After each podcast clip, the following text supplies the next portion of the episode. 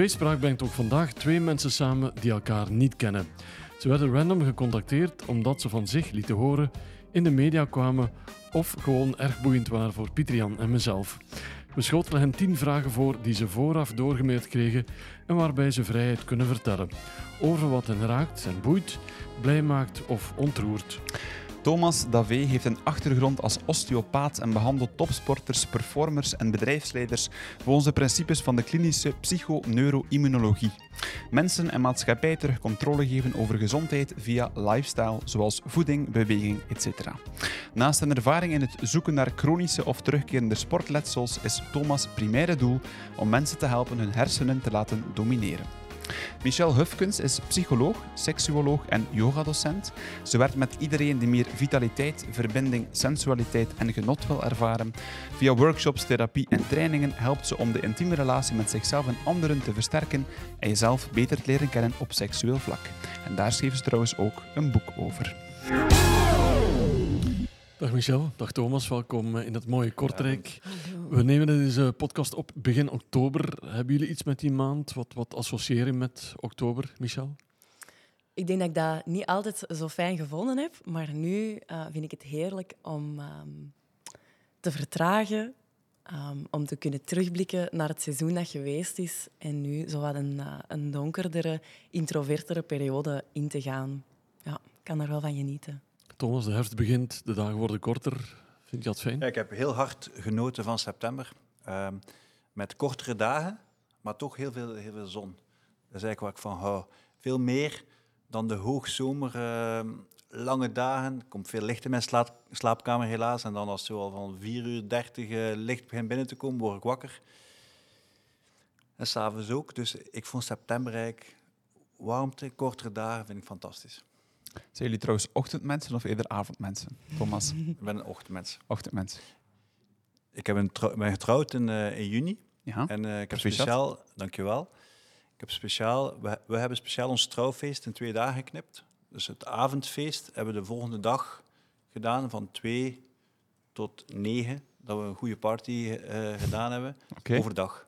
Mo, amai, cool. Omdat ik eigenlijk mezelf geen nachtraaf vind. Ik vind dat niet mm. fijn om op een trouwfeest uh, na het laatste dessert mm. nog te moeten naar de dansvloer gaan. Wow. Dus we hebben er de volgende dag een, uh, een heel mooi feest van gemaakt. Mm. Fantastisch. Proficiat Thomas ook van mij. Uh, Michel, ben jij een ochtendmens of een avondmens of ergens daartussen? Ah, wel, ik vind mezelf ook een dagmens. Ja. ja. Ik denk dat mijn glorieuren tussen 11 en 3 zitten. ja. Dus ik, uh, ik ga dat idee meenemen van de trouw. Ja, ik dacht ook al aan twee dagen. Uh, ja. En een dagdisco, ik weet dat ook wel te appreciëren. Ja. Mooi. Oké, okay, ik denk dat de spits eraf is. Uh, Steve, dus we kunnen beginnen met de eerste vraag. Mag ik die eer aan jou geven? Absoluut. Overigens, de mensen die uh, af en toe trainen, horen voorbijrijden. Het is geen droom, het is de werkelijkheid die Absoluut. je hoort. Uh, Michel, wanneer heb je voor het laatst echt iemand geholpen? Dat was de eerste vraag die we jou hebben doorgemaild. We dachten, dit is een prima opener voor deze podcast. Niet te zwaar om te beginnen. Heb je een Hmm. antwoord gevonden? Ik vond dat nogthans de, de moeilijkste, denk Oei. ik, van allemaal. Um, ja, omdat ik dat graag wat wil nuanceren ook of zo. Dus ik ga gewoon een beetje mijn, mijn paar leven beginnen. Hè. Um, ik denk dat dat een beetje afhangt van de context. Ik denk, in mijn praktijk bijvoorbeeld vind ik dat ik iemand help als die um, het gevoel heeft dat hij weer dichter bij zichzelf staat, um, meer in zijn kracht staat, meer voeling heeft met dat de antwoorden van binnenuit kunnen komen. Mm -hmm. Dat die intuïtie ook wat meer kan doorkomen. En dat gebeurt eigenlijk gelukkig wel vaak. Ik denk dat ik anders ook niet zoveel voldoening uit mijn job zou halen. Um, en ik denk meer specifiek... Um, zie ik iemand voor mij die na um, of die tijdens een sessie energiewerk echt zo bah, voelde dat het hart helemaal open ging, een soort van verlichting ervaarde en nog eens echt zo die liefde kon voelen stromen. Dat gaf die persoon heel veel hoop, heel veel verbinding. En dan denk ik, ja, amai, daar wordt mijn hart ook heel warm van. Hè? Uh, dan, ja, als ik op, op uh, zo'n manier een werkdag kan afsluiten, vind ik wel heerlijk. Ja. Ook op vlak van trauma, als ik zie dat mensen via een workshop, um, dat is dus eigenlijk kort, bijvoorbeeld drie dagen over een maand tijd, um, echt zie dat ze als het kader veilig is, en, en dat weet ik dan te creëren, dat ze ja, wat, wat is trauma? Een, een, kwetsuur in het contact vaak. En dat moet in het contact geheeld worden. En daar, daar moet terug meer veiligheid kunnen ontstaan. Zodat er daar weer meer ja, openheid en verbinding kan ontstaan. Als ik dat zie gebeuren, vind ik ook zalig. En dat gebeurde onlangs ook nog eens. Mooi. Maar dan meer dagdagelijkse, iemand echt helpen, ehm, is misschien een, eh, een heel goede vriendin. Dat is ondertussen al heel wat jaren geleden. Die ging door een super moeilijke periode. Ehm, ja, dat ging over relatiebreuk, maar ook getriggerd in trauma. En ehm, burn-out was het woord dat eraan gegeven werd. En ik weet nog dat ik zelf ook eigenlijk wel wat overwerkt was. En dat ik na, eh, toen gaf ik nog heel veel therapie. Na zo'n dag, acht, negen sessies, in mijn auto stapte, Bluetooth aan, ik belde haar. Zij kon ook nog eens haar verhaal vertellen. Ik droeg haar heel erg door die periode. Zij kwam in mijn zetel ook gewoon zijn. Ik moest haar niet entertainen, maar haar gewoon dragen. En zij is met tot op de dag van vandaag nog altijd zo, zo, zo dankbaar dat ik gewoon haar gedragen heb door die hele zware periode. En dan denk ik, dat is ook wel Ja, echt helpen, denk ik, als ik daar nu zo op terugkijk. tuurlijk. Eigenlijk heb je wel vaker in jouw professionele carrière dat soort van momenten, denk ik. Of niet? Mhm. Ja, Heel dankbare job. ja. Is het daar voor, vooral dat je het voor doet, voor die dankbaarheid te ontvangen van de mensen en te zien dat ze echt groeien in hun ja, probleem, trauma, in die verwerking? Ja, dat is als therapeut een beetje tricky. Hè? Ja. Eh, als je wacht op, eh, op dankbare cliënten om je job graag te doen, dat is een gevaarlijke. Ja, absoluut. Maar ik merk wel dat als ik eh, mensen vooruit zie gaan en meer in hun kracht zie staan en, en dat zij dat ook uiten van, maar die heeft mij deugd Ja. gedaan. Vandaag merci, daar kan ik mee aan de slag. Ja, dat doet mij wel deugd. Ja, dus ook die dankbaarheid eigenlijk op je eigen manier een beetje, zonder dat het uitgesproken wordt. Ja, mooi. Thomas, jij zit in een compleet andere sector. Kan je daar ook mensen echt helpen ten gronde, ten diepste?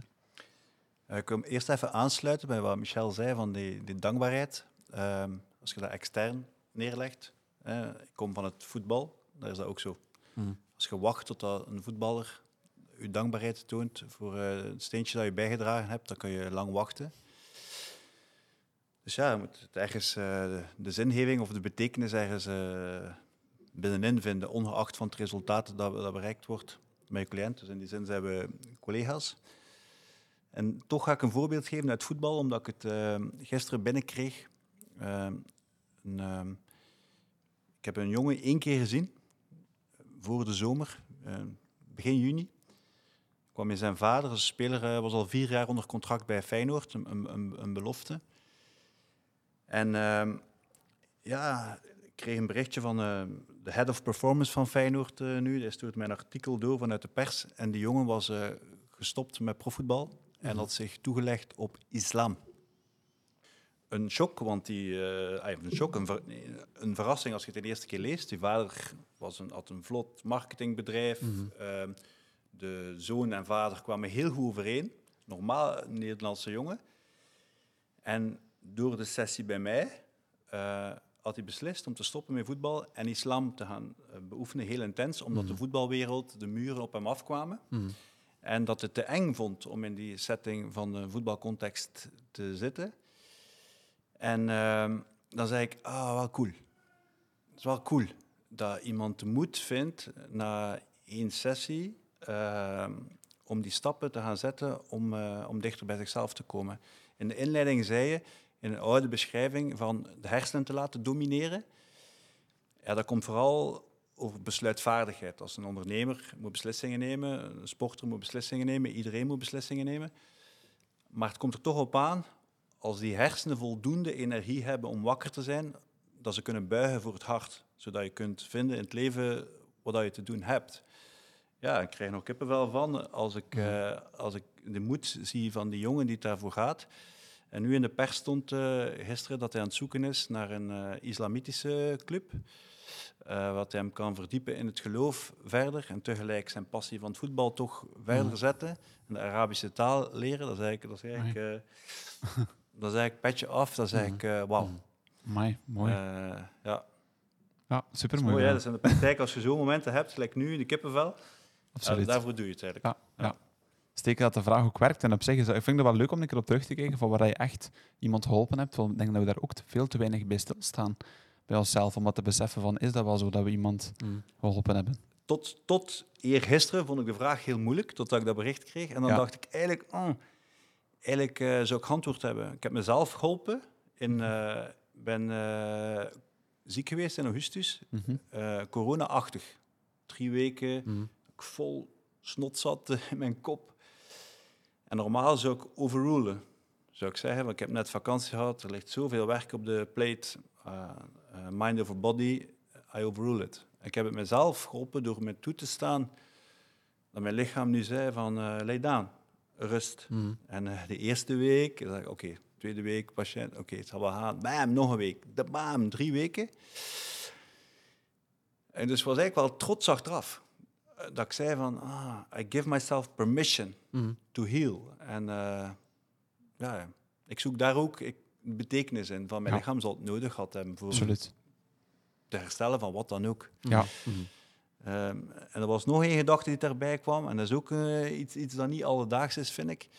Wat een, ehm, voor eh, ons eerste Wolf-event, Wolf staat voor Way of Living, Mhm. waar dat we lifestyle-interventies willen ja, aan alle mensen eh, toegankelijk, voor alle mensen toegankelijk maken. Dat was een Wolf Food Event, ons Mhm. eerste event, Mhm.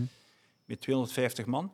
Maar op hetzelfde moment live. En, en op hetzelfde moment was er een begrafenis van een, eh, een docent in Nederland die al lang met ons eh, opleidingsinstituut Capini Belgium samenwerkt. Mhm. Ja, dat was, dat was mijn event. Ik ben samen met een vernoot en ik ben naar die begrafenis gegaan. En ben later op dat event dan eh na twee derde toegekomen. En dan kun je zeggen, is dat iemand helpen? Ja, voor mij wel. Dus voor mij is dat iemand helpen dan naar de andere kant, wat dat ook mogen zijn. En de mensen die daar dan bij zijn, eh, of de nabestaanden dan bij staan. Ja, voor mij was dat, Ja. vond ik dat ook wel eh, Mm. iets dat voor mij betekenis had in die Mm, context. Voilà. Mm. Kijk, je ziet dat een moeilijke vraag soms ook heel eenvoudig kan beantwoord worden met meerdere antwoorden zelf. Ja, want voor ons lijkt die vraag een laagdrempelige vraag, maar jullie zeiden twee, het was best wel moeilijk om die te beantwoorden. Maar we zijn er doorgeraakt. Ja, omdat bijvoorbeeld veel van patiënten, patiënten behandelen of eh, iets doen voor, voor mijn kinderen of voor mijn vrouw. Ik weet niet of ik dat... Ik, ik vind dat moeilijk om dat onder helpen te Mhm. scharen. Mhm, Mhm. mhm. Absoluut. Ja. We gaan van een op zich, vind zelf een mooie, dankbare vraag, naar een, eh, naar een volgende vraag. Misschien minder of meer eh, dankbaar. We zijn allemaal bezig met ons fysieke en mentale welzijn. Jullie allebei, jullie helpen daar ook heel veel mensen in. Maar wat is voor jullie een dagelijkse gewoonte of activiteit om jullie eigen fysieke of mentale welzijn te bevorderen, te boosten? Hoe modern dat we het ook kunnen omschrijven. Eh, Michel. Hmm, ja, ik ben wel een ehm, persoon van rituelen. Mhm. Uh, dus ik start mijn dag meestal met wel wat dingen voor mezelf te doen. Ja. Ehm, en dat is onder andere, dat is heel lang geweest, op de koffiemachine duwen. Ehm, en nu is dat een cacao brouwsel maken. Dus goede kwalitatieve cacao met nog wat andere kruiden bij. Uh, dat is echt mijn uh, mood booster. Dat opent mijn hart ook. En dan, weet je wat ik nodig heb? Ehm, is dat eerder rustig of wat actiever, maar sowieso iets met dat lichaam in beweging brengen. Oké. Um, dat, kan, ja, dat kan rustige yoga zijn of echt een danssessie um, met twerken en weet ik wat nog allemaal. Maar die heupen Mhm. moeten wel losgemaakt worden als morgens, voel ik. Ja. Oké, amai. En, en wat dankt er... Allee, ik hoor kalm of meer, eh, meer, eh, meer energie. Wat hangt er daarvan af, van die beslissing? Is dat gewoon het gevoel van de dag? Of? Ja, uh, ik sta niet altijd um, met heel veel energie op. Ja. En ja, ik denk, ik leef ook wel wat cyclisch zo. Hè? Mm -hmm. uh, ik tune eigenlijk elke dag wel in met de energie van het moment. En dat gaat dan over... Dus ik meet mijn temperatuur en mijn um, slijmvlies om mijn vruchtbaarheid te weten. Dat is Mhm. een natuurlijke anticonceptiemethode. Mm. Dus dan weet ik ongeveer in welke fase van mijn menstruatiecyclus dat ik zit, wat je ook aan je energie kunt koppelen. Mm. Maar ik zal bijvoorbeeld tijdens dat ik mijn cacao aan het opdrinken ben ook eens checken, ah, wat is de stand van de maan? Um, omdat dat ook uh, impact heeft op ons energieniveau. Hè. En dan heb je nog groter het seizoen waar dat we in zitten. Ah, dat kan ook weer meespelen. Mm, okay. En dan nog, ja, voelen we ons gewoon niet alle dagen hetzelfde. En nee. heeft dat lichaam soms iets rustiger nodig, soms iets wat meer activerend. Okay. Um, mm -hmm. Of zwemmen in zee, dat heb je daarnet ook uh, verteld. Hè. Kan ook wel helpen, denk ik. Mm -hmm. Ja, maar je start dus eigenlijk elke dag met een bepaalde routine om je energieniveau toch wat te gaan meten. Oké. Mooi. Thomas, we gaan het eens vragen naar jou. Heb jij trucs om jouw mentale of fysieke welzijn te verhogen, te bevorderen? Ehm, voor mij is het ehm, minder in de beweging. Of beweging doe ik ook, maar als ik ene moet uitkiezen, dan is het eh, silence. Is echt, eh, ik, doe, ik mediteer alle dagen. Als ik zou mogen kiezen, moest ik vrij zijn van verplichtingen of, eh, of kindjes die er zijn. Of, eh, ja, dan spendeer ik zo uren. Eh, ik hou daar superveel van. En ik, voor mij is dat tweeërlei. Is enerzijds gewoon afsluiten van alle prikkels, gewoon om, om te voelen wat er is. Mhm. Omdat ik vind dat als je voelt wat er is, dat is het, dat is het startpunt. Als je niet accepteert wat, wat er nu is, dan, dan is het moeilijk om ergens naartoe te gaan. Ja. Ehm, en, en ik heb dat nodig, mijn systeem heeft dat nodig om, om wat er eh, gebeurt in de dag, soms heel hectisch, soms heel veel in de, in de bedrijven die we doen of leiden, om dat te integreren. Dan zie ik soms ah, in die stilte dat er dan soms dingen komen die schijnbaar een detail waren, maar die toch blijven plakken zijn. Ja. En dan ook het, het, het veranderen van de energy. Had, ehm, twee sessies geleden had je Tom de Prest die het over eh, dispensa had. Ik ben een dispensa-man. Ik heb verschillende retreats eh, gedaan. Daar al bij, ja, dan, ja, dan, dan, dan mediteer je misschien zes, zeven uur per dag daar. Als ik mag kiezen, ja, dan doe ik dat hier ook. Dat, dat lukt moeilijk, Mhm. maar ik kan easy twee, drie uren zitten.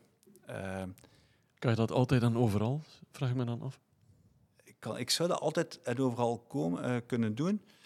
Ehm, maar ik zoek wel graag de, de... Ik heb bijvoorbeeld als een huishoudster rondloopt, dan, dan, dan stoort mij dat wel een beetje. Mhm. Ja. En, maar aan de andere kant zou ik dat wel kunnen doen. eh, midden in het park gaan zitten, wat er wel veel beweging is. Het is afhankelijk van de setting. Ja. Eh, maar dat is wel echt mijn daily practice, omdat eigenlijk mijn, eh, mijn kompas van waar dat we met het bedrijf naartoe gaan, komt vaak uit die stilte. Oké. Bijvoorbeeld on- ons volgende event, onze, onze Mind Summit dan, de, ook van Wolf, ja, die komt uit zo'n stilte. Komt uit mijn kop. Eh, dan zit ik gewoon en dan zeg ik ah, tuk, tuk, tuk. En dan komt dat eruit en dan, dan, dan weet ik eigenlijk wat we gaan doen. Oké. Eh, Maar ik vind het wel mooi ook dat jullie daarin Ja. complementair zijn. Het is vooral energie uit het lichaam, energie uit, uit de hersenen meer. Dat je dat toch op een bepaalde manier met jullie ener- energy levels, zij door meditatie. hersenen en, en eh, lichaam. Ja. Omdat, ja, denk, daarin sluiten we elkaar aan, denk ik, dat, dat het lichaam slimmer is dan, dan de hersenen. Je kunt de belangrijke beslissingen in je leven kun je niet met je kop nemen. Ehm, je kunt niet weten of dat, of dat een goede vrouw is voor u. Dan ga je, als je dat met je lijstje probeert te beslissen, dan ga je er niet uitkomen. Je lichaam weet het wel. Mhm. Als je rustig opgewonden wordt, ehm, dan is het een goede beslissing. En soms ga ik dat zelfs gaan trainen door, door als ik een dilemma heb bijvoorbeeld, dan, eh, dan schrijf ik de twee dingen op, twee situaties, en ik ga erop gaan zitten. En, en in de twee situaties proactief gaan voelen wat dat, wat dat, wat dat de kinestiek, wat dat, wat dat je lichaam vertelt in de twee situaties. In de ene situatie ga je ademhaling hoger zitten of sneller zijn, Mhm. ga je kaken klemmen. En daar leren op vertrouwen wat dat je lichaam zegt, ja, dan, dan, dan maak je eigenlijk geen verkeerde beslissing of veel Ja. minder Ja. dan dat je alleen eh, je kop zou eh, volgen. En dat, leer, dat heb ik geleerd door, eh, ik zeg meestal in de praktijk, dan, kijk naar mijn gezicht, zie je, dat, dat hangt vol modder. Dus van al keren met mijn kop in de modder te liggen. En dan leer je wel dat, je, dat het interessant is om je lichaam als besluitvaardigheidsinstrument daarbij te betrekken. Want je Ja. lichaam weet eh, dikwijls heel veel. Mooi. We hebben er veel bijgeleerd, Steven, denk ik. Absoluut. En we gaan weer bijleren met onze derde vraag die we gaan stellen. We zijn allemaal niet perfect en misschien is dat maar goed ook, maar soms dromen we wel eens van een talent, van een gave, van een eigenschap, een vaardigheid waarover we graag hadden willen beschikken. Welke zou dat mogen zijn, Michel? Als je morgen vroeg wakker wordt, met welk talent word je dan extra wakker? Mogen het er ook meerdere zijn? Graag. Ehm, ik dacht, het zijn zo wat stomme dingen eigenlijk, maar ik zou super graag sneller kunnen lezen, ehm, minder slaap nodig hebben en ook beter zijn in teamsport en de regels van een teamsport ehm, aanvaarden. Maar dat zijn drie heel concrete vaardigheden. Er is over nagedacht. En zo teleporteren ook, maar dan ken, ja, dat zegt Ja. iedereen. Hè? Maar eh, ja. En we gaan inpikken, hè, want dat mag. Sneller kunnen lezen. Mhm. Vind van jezelf dan dat je traag leest? Of, of, Mhm, mhm. en wat, is, wat is traag dan? Dat je vaak moet herlezen om dingen te begrijpen? Of hoe moet ik dat zien? Ja, ik, ik, hmm, ik denk dat mijn aandacht ook gemakkelijk afdwaalt. Mhm, En dat, dat, eh, je zou dat ADD kunnen noemen, maar dat brengt mij soms ook op mooie zijsporen. Eh, dus ik vind dat ook niet per se een, een- dat dat een diagnose moet krijgen. Dat hoort een beetje bij mij, dat ik zo. Mhm. kan, kan dromen en, en dingen. Maar dat maakt wel ja, dat ik inderdaad soms een pagina zo tot drie keer lees. Ehm, ah, ja, ah ja, dat heb ik nu net gelezen. Hè. Ja, Ehm, mhm. Maar ik denk gewoon de cadans waarin dat ik lees, dat dat gemiddeld trager ligt dan Mhm. de gemiddelde persoon. de persoon. Mhm. Is dat ook minder slaap? Is dat om jouw dag langer te maken of heeft dat een andere reden? Ehm, oh ja, misschien wel. Ja, want ik, ik hou wel van leven of zo en wakker zijn. Ehm, maar ik heb eigenlijk ik heb, ik heb een keer echt een half jaar genomen om echt uit te rusten, om dan te komen tot wat is nu mijn ideale aantal uur? En dat is toch wel 9,5. Amai. Ja, daar komen veel mensen niet aan, maar ik ben echt de leukste versie van mezelf als ik 9,5 uur slaap. En ik gun dat ook andere mensen om die versie van mij bij hun te hebben. Ik gun mezelf dat ook. Maar dat is... Ja, dan moeten echt ermee bezig zijn. Maar ja, het wordt tijd om in bed te kruipen, want... Hè? Ik Dus vind dat wel chic, want dat is, dat is veel op dat zich. lukt niet altijd. Maar wel magnifiek als je dat toch op een goede manier probeert, als ik het zo hoor in je dag. Maar wanneer ga je dan slapen s'avonds meestal? In de week Ehm, bijvoorbeeld? half elf, elf uur, zoiets. Ja. En ik begin zelden voor tien uur te werken. Ehm, ik heb me daar lang voor geschaamd, maar nu hè, zeggen mensen zo... Volgens mij zit jij zo leuk omdat jij zo goed, zo goed slaapt. Dan denk ik, ja, slaap ook maar meer. Amai. Thomas, heb je dezelfde uren slaap? Nu ben ik wel curieus. Ik heb, vroeger sliep ik eh, maar een uur of, of zeven. Eh, of zes, zeven. Maar nu kan ik, kan ik wel eh, kan ik er een uur bij doen, ja. Oké. ja ik het ook... Ik, ik, vond, ik vond wat dat er met triggerde was een, een, een, een, een dilemma. Met in me denken aan een volgende vraag. Zeg, ik zou het nu al stellen. Inderdaad, soms zeg ik van... ehm, niet alleen van slapen, maar ik wil meer rusten. Ik heb meer tijd nodig om, om of ik wil meer rusten dan vroeger. En toen ben ik aan zo'n term uit de Tao, Yu-Wei en Wu-Wei. Wu-Wei wil zeggen, je laat het even keer op zijn beloop. En Yu-Wei is de dingen vastpakken. En, en mijn natuur is, like van veel mensen in eerste instantie, om zo vast te pakken en meer te doen. En, en, ehm, en soms wou ik dat ik meer woe-way kon doen. Het laten ontvouwen. En daarom niet alleen slapen. Ik denk niet dat ik 9,5 uur eh, wil slapen, maar, maar ik zou wel willen eh, misschien 10 uur of 11 uur rusten. Waarbij slaap een deel is. Maar eigenlijk ben ik wel heel vaak de niet slapende tijd aan het werken. Ja. ja. Ja, dat is belangrijk. Dat je dat ook beseft. Want uiteindelijk is het wel mooi wat hij zegt, dat je de meest aangename versie van jezelf bent, als je ook gewoon die slaap gunt en kunt gunnen. Want uiteindelijk kies zelf ook een beetje je uren. En als dat voor jou werkt, waarom niet? We gaan Mooi. eh, de vraag ook eens aan jou voorleggen, Thomas, als het mag. Ehm, met welke eigenschap of vaardigheid wil jij morgen vroeg eens wakker worden? Ik heb in mijn leven één tweede zit gehad. En dat was op de eerste jaar eh kinesiotherapie. Dat was de verplichte dans. En eh, ik had 5 op 20. Ja, dat is mijn enigste, dat is mijn Mhm. enigste uitschuiver. Ik had niet 100% een goede klik met de, met de leerkracht. Ehm, maar, maar ritme is niet mijn grootste talent. En Ja. soms zou ik het, zou ik het fijn vinden eh, als ik meer ritmegevoel zou hebben, dat ik letterlijk wat Mhm. meer dansend door het leven zou kunnen gaan. Ik heb het Mhm. gevoel, als ik, of dat is een impressie dat ik heb, hè, dat, dat als ik meer muziek in mijn lichaam kon voelen, dat dat ook mijn levensvreugde zou ondersteund hebben. Ja. Denk je dat je op zich nog kunt, kunt leren? Inschreven in een dansschool en gedaan? Ik heb dat een paar keer geprobeerd, maar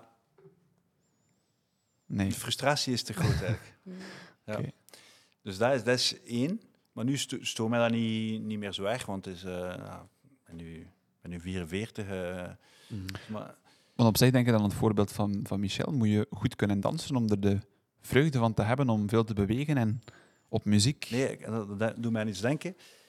Wat dat een van mijn hobby's is, is transdance. En transdance is eigenlijk met een blinddoek in een, eh, in een ruimte met een veertiental mensen of tiental mensen of zes, kleinere, eh, een kleine groep. En doet je eigen reis.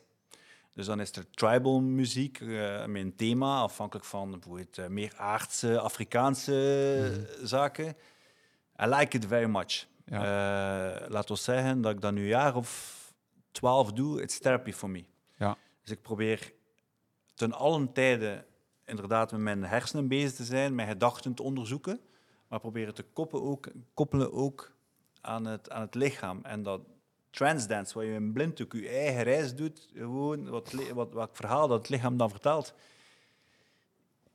Ik heb het, eh, als je vra- sprak over gewoontes, zei ik in, eh, stilte.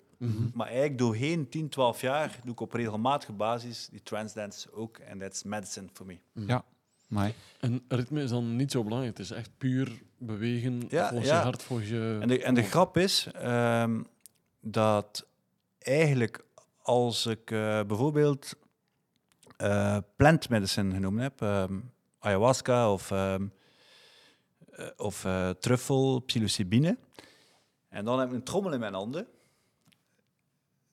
dan heb ik wel ritme. ja, oké. So that's the nice thing. Ja. Dus als je inderdaad verder stript van eh, de beperkingen en de schaamtes en de dingen die opgelegd zijn, Mhm. dat is een ander thema natuurlijk, maar plantenmedicijnen, dus als ik dus zo truffel neem, dan heb ik wel ritme. Ja. Dus eh, Er komt de spirit langs dan ook, hè, die u helpt te dringen. Ik zag Michel daarnet heel uitvoerig knikken als het had over transdance. Heb je dat ook zelf gedaan, Michel? Of, eh, Wel, ik zeg in mijn trajecten wel ecstatic dance. Ja, Ja. ik noem dat dan ecstatic dance, maar transdance is veel ehm, puurder, want da- daar gaat het ook ehm, naar terug.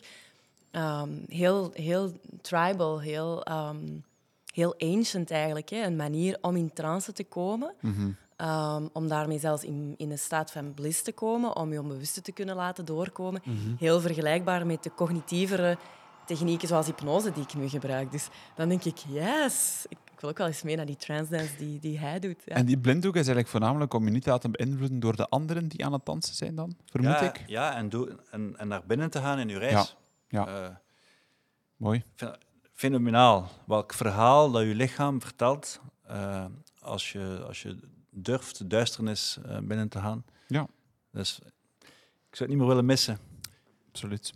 Heel mooi. Misschien is het wel iets, trouwens, mocht dat kunnen, die we in een doos kunnen steken voor toekomstige generaties. Stel je voor een voucher voor een gratis sessie Transdance.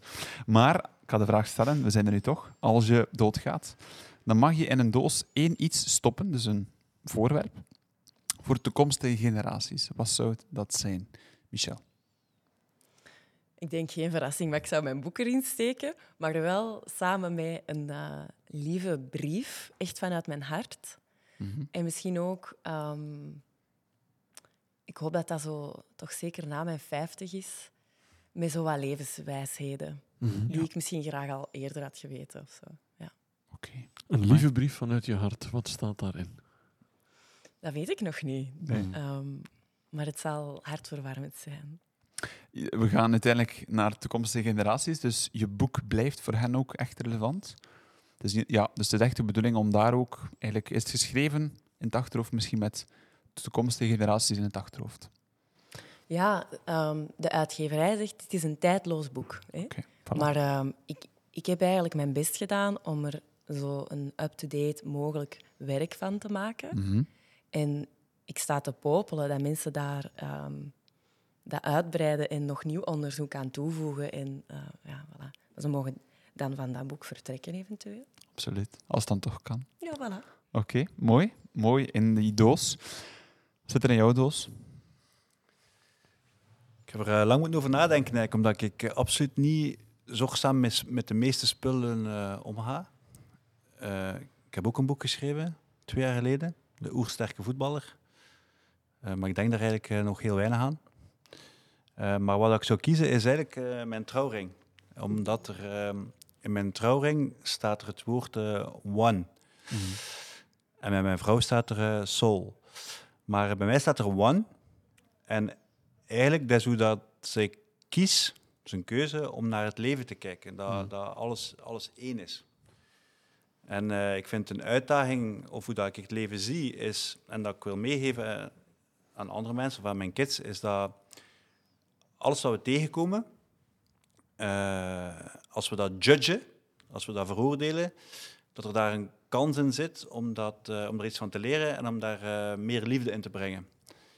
En dus elke persoon dat we tegenkomen, elke situatie dat we tegenkomen, zegt ehm, veel meer over mij dan over die persoon. Oké.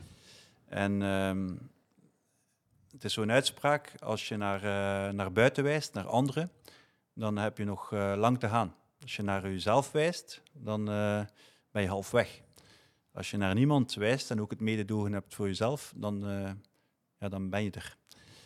Dus ik vind het wel wijs om die, die eenheid te zien. En de mooie dingen, gelijk, gelijk dat ik zei, mijn, mijn, mijn trouw die super mooi was, wat dat ecstatic bliss was, wat ik niet zou kunnen gedroomd hebben hoe mooi dat was. Ja, en dan ook de schoonheid te zien in, ja, in het moeilijke. eh, en dat ook aan te nemen. Eh, dus dat vind ik wel een, eh, iets. En dat symboliseert die ring, omdat, ja, omdat het over liefde gaat. En Absoluut. kunnen, we, kunnen we in elke situatie die liefde brengen. Maar je zou, er- zou er waarschijnlijk nog niet meer kunnen lachen, mocht je dat nu al in die doos steken. Misschien Ja, dus, dus, dus, aangezien dat ik heel veel dingen verlies, is dat Ja. wel een serieuze stressfactor voor mij. Absoluut. Dus ik heb hem speciaal laten eh, verkleinen, dat hij dus niet... eh, Dat je vast eh, rond jouw vinger eh, hangt. Ja. Ja. Oké, mooi. Ja, twee eh, soortgelijke dingen. Heel mooi. Steven. Je had het over de toekomst. Wel, we gaan tijdreizen. Altijd leuk, mochten we een teletijdmachine hebben. We kunnen naar het verleden gaan. We kunnen in de 20e eeuw blijven hangen. Of in de 21e ondertussen. En we kunnen natuurlijk ook naar de toekomst gaan. Eh, Thomas, we gaan eens bij jou beginnen, als dat mag. Ehm, heb je een periode Ja. of een jaartal in gedachten? In, mijn, eh, in mijn eigen leven zou ik graag eh, naar zo'n 17, 18 gaan. Omdat eh dat een zorgeloos tijd was. Ik zeg nu dikwijls, in die tijd, dan denk je dat als zo juli en augustus is, dan is dat zo een zee van, van, van tijd en ruimte waar je je eigen goesting kunt doen Mhm. als je student bent.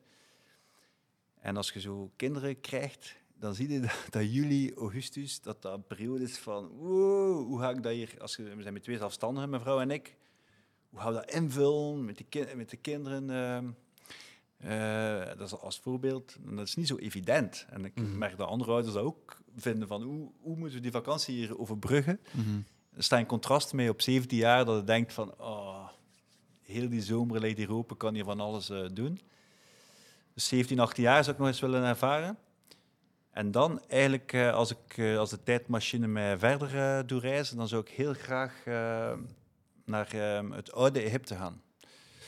Omdat eigenlijk zo uit bepaalde bronnen komt er, komt de reformatie naar boven, dat ze in het oude Egypte met heel spirituele dingen bezig waren, met het ontwikkelen van bewustzijn. En dat er dingen zijn die volgens de geschiedkunde die wij in onze geschiedboek, eh, geschiedenisboeken hebben, die eigenlijk niet kloppen. Ehm, dat er daar dingen in, in die piramides aanwezig zijn, Mhm. die eigenlijk raar zijn dat die zaken daar zijn. En zij waren eigenlijk met supercoole dingen bezig. Ik zou er wel een keer willen gesnuisterd hebben eh, wat dat die alchemistische dingen waren waar zij mee bezig waren. Mhm. Je was trouwens 18 in 1997. We hebben het eventjes uitgerekend. 1997. Ja, dankjewel. Confronteren. Het was na die periode dat je terug, Ja, terug ja, wou, ja, ik ik, weet het heel goed.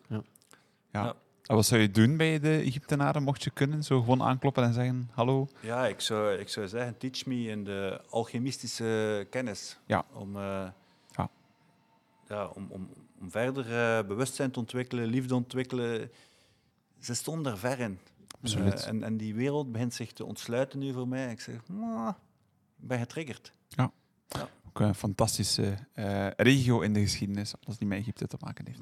Michel, naar welke periode ga jij terug of ga je naar de Ja, toekomst? ik, ik wil toch even zeggen, wauw, ehm, een prachtige, prachtige antwoord. Ik, denk inder- ik ben er ook van overtuigd dat ze veel, ehm, veel meer besef hadden van wat energie was en dat ze daar veel meer mee konden doen dan dat wij nu doen of kunnen. Uh, dus ik zou ook wel mee willen gaan gluren. Maar ergens vind ik dat wel eens, dat op mag inpikken, ergens wel boeiend. We zijn op een maatschappij die op vandaag altijd aanstaat, die nooit afstaat. Dus bewustzijn is belangrijker dan ooit. Mm. Maar het is wel mooi dat ze daar toen met energie en bewustzijn ook toen eigenlijk al mee bezig waren. Terwijl ik dan denk van, gaat de wereld dan niet net een pak trager? Maar blijkbaar hebben de mensen altijd met hun energie bezig geweest. Ja, maar energie... Um, ik zou bijna durven zeggen, met je ogen een glas water verplaatsen. Hè. Zo, hè, um, Telekinese, of hoe noem je ja, dat? Ja, wel echt zo het energetische. Ja. Los van, uh, ik voel me energiek of niet. Mm -hmm. Ja. Um, goed, ik zal op Nee, nee, nee, antwoorden, een, absoluut. Um, eigenlijk heb ik niet zo'n specifieke leeftijd of jaartal waar ik naar terug wil gaan. Ik zou graag in trance gebracht worden en dan horen dat mijn onbewuste zegt, ja, jij zou beter nog eens naar dat jaar gaan. Daar heb je nog wat um, shit op te ruimen of inzichten op te doen. Dus daar sta ik voor open. En ik zou, als ik er dan verder over nadenk, ook wel um, mijzelf als heks willen zien. Um, maar eigenlijk in het algemeen gewoon naar momenten gaan waarop dat mijn ziel heel uh, belangrijke dingen gedaan heeft. Waar ik misschien nu nog geen toegang tot heb. Hè. Um, want ik geloof daarin. Okay. Dat een ziel heel veel levens al kan gehad hebben. Mm -hmm. En dat wij, als we er aandacht voor hebben, dingen terug kunnen unlocken. En ons terug herinneren. Um, ja, en daar ben ik wel benieuwd naar. Want dat is zeker nog niet allemaal naar het bewuste gebracht bij mij. En dat is ook wel boeiend dan, denk ik. Dat die reis nog open ligt, maar misschien nooit ingevuld wordt, of een deeltje, als ik het zo hoor. Oké, okay, mij. Je liet ook vallen dat je als heks wou terugkeren naar de middeleeuwen. Ver, verklaar eens nader. Ja. Um, ik vind mijzelf... Ik ben een paar jaar geleden geout als heks. Mm -hmm. uh, ja, ja, dat is een woord dat voor mij heel hard resoneert. En, um... Want mensen associëren dat met sprookjes. Waarmee associeer jij dat? Ja, de, de heler van een dorp zijn ook. Ja. Hè? Um, als ze met bepaalde medicijnen het niet konden oplossen, dan mochten ze langs de heks gaan, die, die blijkbaar nog andere tools had, hè, die wel magisch waren en die ze niet helemaal konden verklaren. Maar vroeger was dat normaal, maar op een gegeven moment werden die op de brandstapel gegooid. Hè, en Mm. uh, ja, zijn ze andere dingen gaan doen. Oké. Maar ik vind het een heel verrassende antwoord. Dus, is dit een beetje van ons melksteven, denk ik? Ja, dat is waar. Schitterend. Oké, maar ik stel voor dat we nog voor een volgende vraag gaan. Nee, nee, ik vind het heel leuk. Ik vind het heel leuk. Um, we gaan er eentje uitkiezen. Ja, ik vind het een hele leuke. Uh, stel dat je op een bepaalde avond, dat is mijn favoriete vraag, Steven, op een bepaalde avond iemand mag uitnodigen aan tafel. Die persoon mag nog leven of mag of uh, niet meer leven, uh, liever. Um, wie kies je voor een goed glas wijn, Thomas? Um, ik kies eigenlijk eigenlijk is het, uh, mijn mentor is een paar weken geleden overleden. Okay. En zijn naam is Erik Schneider. En dat was eigenlijk mijn, uh, mijn spirituele mentor, mijn voorbeeld. En ja, het gaat over een goed glas wijn. En eigenlijk stond hij ook voor in alles kwaliteit brengen. Mm -hmm. okay. Dus in alles wat je doet. Dus uh, als je koffie drinkt, drink niet een emmer koffie, maar ga een goede koffie. Like dat Michel zegt, als je chocomelk drinkt of een cacao drinkt, ga dan voor die goede cacao. Ga voor alles wat je doet, ga voor, ga voor kwaliteit. Ja. Maar hij was dus degene die, die mij op het spoor gebracht heeft. Uh, dat is mijn lievelingsboek aller tijden, wat ik al honderd uh, keer doorbladerd heb. Uh, is naar het hart van communicatie.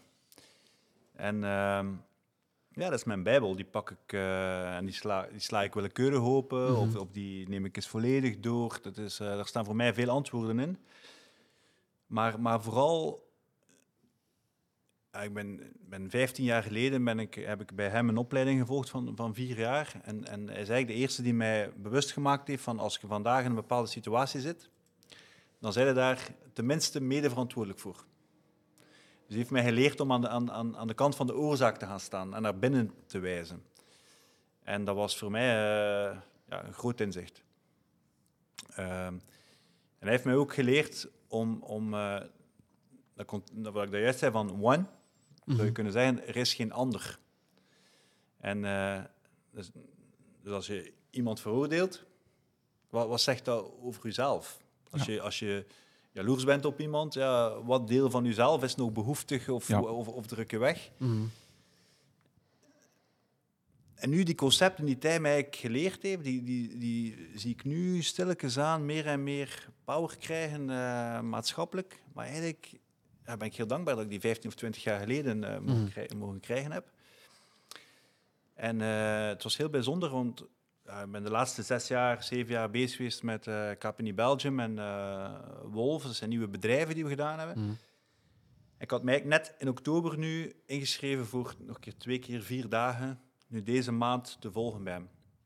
En ons event dat wij nu doen in november, de Wolf Mind Summit, zou hij normaal gestart zijn, geïntroduceerd zijn. Mhm. Dus ehm, ja, het is een heel bijzondere periode. Ik heb, ik heb hem ook gaan groeten. En ik heb natuurlijk naar de begrafenis geweest. Maar er kwam een zin, toevallig, in een podcast. En die zei, als de leerling klaar is, verschijnt de meester. Maar als de leerling echt klaar is, verdwijnt de meester. En ja, dat resoneerde heel sterk bij mij van, oké, eh, hij is van het toneel, van het podium verdwenen. Mhm. En maybe it's time to step up my game. Maar wel niet eh you way. Way is, het, zoals ik zei, het laten ontvouwen. Ja.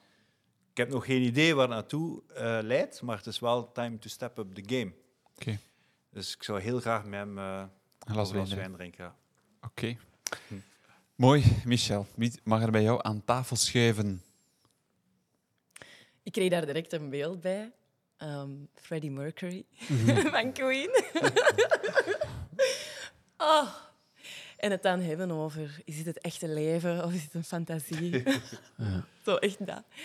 En eh, ik heb een grote affiniteit met queerness. Ik zou het daar met hem over willen hebben. Mhm. Ja. Ehm, ja, en samen zingen. Ik vind, ah, ik vind dat een briljante muzikant. Mhm. Ja. En ook een heel sterke persoonlijkheid. We denken Absoluut. natuurlijk aan de film waarin hij eh, Mhm. geportretteerd werd. was een film die op veel mensen een heel diepe indruk heeft nagelaten. Magnifiek. Amai. Heb je een favoriete song die je associeert met Freddie Mercury? Ehm, ja, dat deuntje kan wel ook direct door. Is this a real life? Ja, Dus Mhm. laten we gewoon die nemen. absoluut. Het zou ook een heel mooie eerste vraag zijn, mocht je hem zien. Dat je daarmee opent, Ja. als hij voor jou zit. Moesten we die twee nu een keer aan tafel brengen en dat er op zich wel vonken zou geven? Beide gasten aan elkaar aan één, aan één tafel. Erik en eh Freddie. Absoluut, absoluut. Ik heb daarnet eh niet gespoild, Steven, maar het was wel de laatste vraag die we gesteld hebben. Helaas. Dus ik ga moeten heel streng zijn op de timing en eh, afronden. Mag ik nog één ding iets vragen, Michel? Absoluut. Van waar die sterke affiniteit met de queer eh, wereld, hoe, hoe is dat gegroeid? Hoe is dat gekomen? Hmm. Ik denk...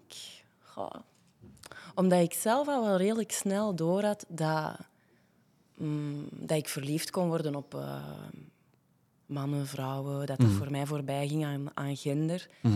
En ehm, ja, dat is voor jezelf wel een proces. Maar dan in mijn werk ehm, ben ik dan ook transgenderzorg heel serieus gaan nemen. Daar Mhm. zelf een, een traject rond ontwikkeld.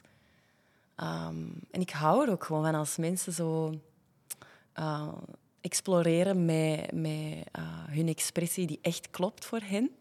Ehm, en, een, en een gay pride bijvoorbeeld. ehm, ja, ik vind dat, ik vind dat super boeiend, de achtergrond ervan. Mhm. Super belangrijk en ook gewoon heel leuk. Dus ja. Oké, mooi. Met, met muziek van eh, Queen natuurlijk. Ja, Yes. absoluut, absoluut. We zijn aan het einde gekomen van deze aflevering. We hebben 45 minuten lang gereisd door de verhalen. We vragen altijd eens op het einde wat jullie ervan vonden van de aflevering, Thomas. De vragen zelf, vond je moeilijk? Bepaalde wel, bepaalde niet. Wat vond je er zelf van? Ehm, ik vind het fijn om zo te kunnen ja, zeggen, de, vanuit de context van werk bijvoorbeeld, Mhm. ja, dan zijn het andere antwoorden die gegeven worden. Dit is echt wat je persoonlijk geeft. En ik vind het wel Mhm. grappig dat wij een stuk in dezelfde energie zitten. Ja. Ik heb jullie af en toe zien eh, die kijken van, was eh, oké, eh, het is anders dan dat we verwacht hebben. Maar ik vind dat leuk, ja. Ik vind dat leuk om daarover... Eigenlijk, Mhm. eigenlijk die gesprekken voeren. Mm. Ehm,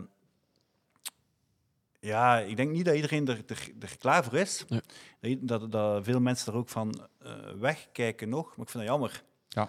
Omdat als je, als je de tv het s'avonds een keer niet zou aan, aanzetten, als je bepaalde verslavingen zou wegnemen en naar binnen zou gaan en, en, en met je gevoel in contact komen en met je wonden op seksualiteit of, of op, op, op eh, ja, zaken met je ouders die nog niet opgelost zijn, en als we dat allemaal zouden aanpakken, dan, dan denk ik dat het een mooiere wereld wordt. Absoluut. Ehm, ik, vind, ik vind het jammer dat we er als maatschappij nog eh, eerder van wegkijken dan, dan, dan Ja. naartoe kijken. Zeker. Dus ik meer, vind het leuk om dit eh, onder aandacht te brengen. meer tweespraak, zouden we zeggen. Meer Absoluut. toespraak. Eh, absoluut. Michel, hoe heb jij deze podcast ervaren?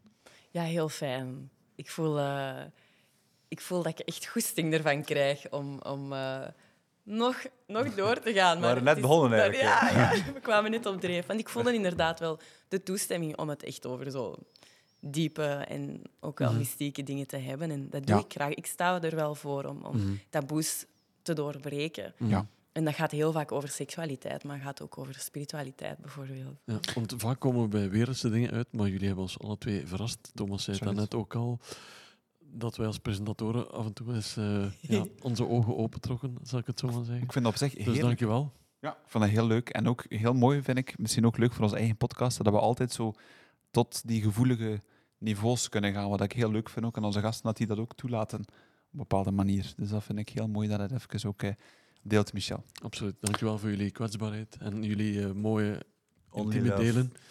Absoluut. Pieter Jan, dankjewel voor deze tweespraak. Yes, absoluut. We zijn binnenkort aan episode 70, dus dat begint opnieuw al te tellen naar eh, de mooiste afleveringen. Jullie ook bedankt voor jullie aanwezigheid hier in Heel graag Kortrijk. gedaan. Heel graag En eh, gedaan. tot de volgende en vooral heel veel succes in alles wat jullie nog ondernemen. Tot tweespraak. Tot En ook met de podcast veel succes. Yes, dank u wel daarvoor. Tot tweespraak.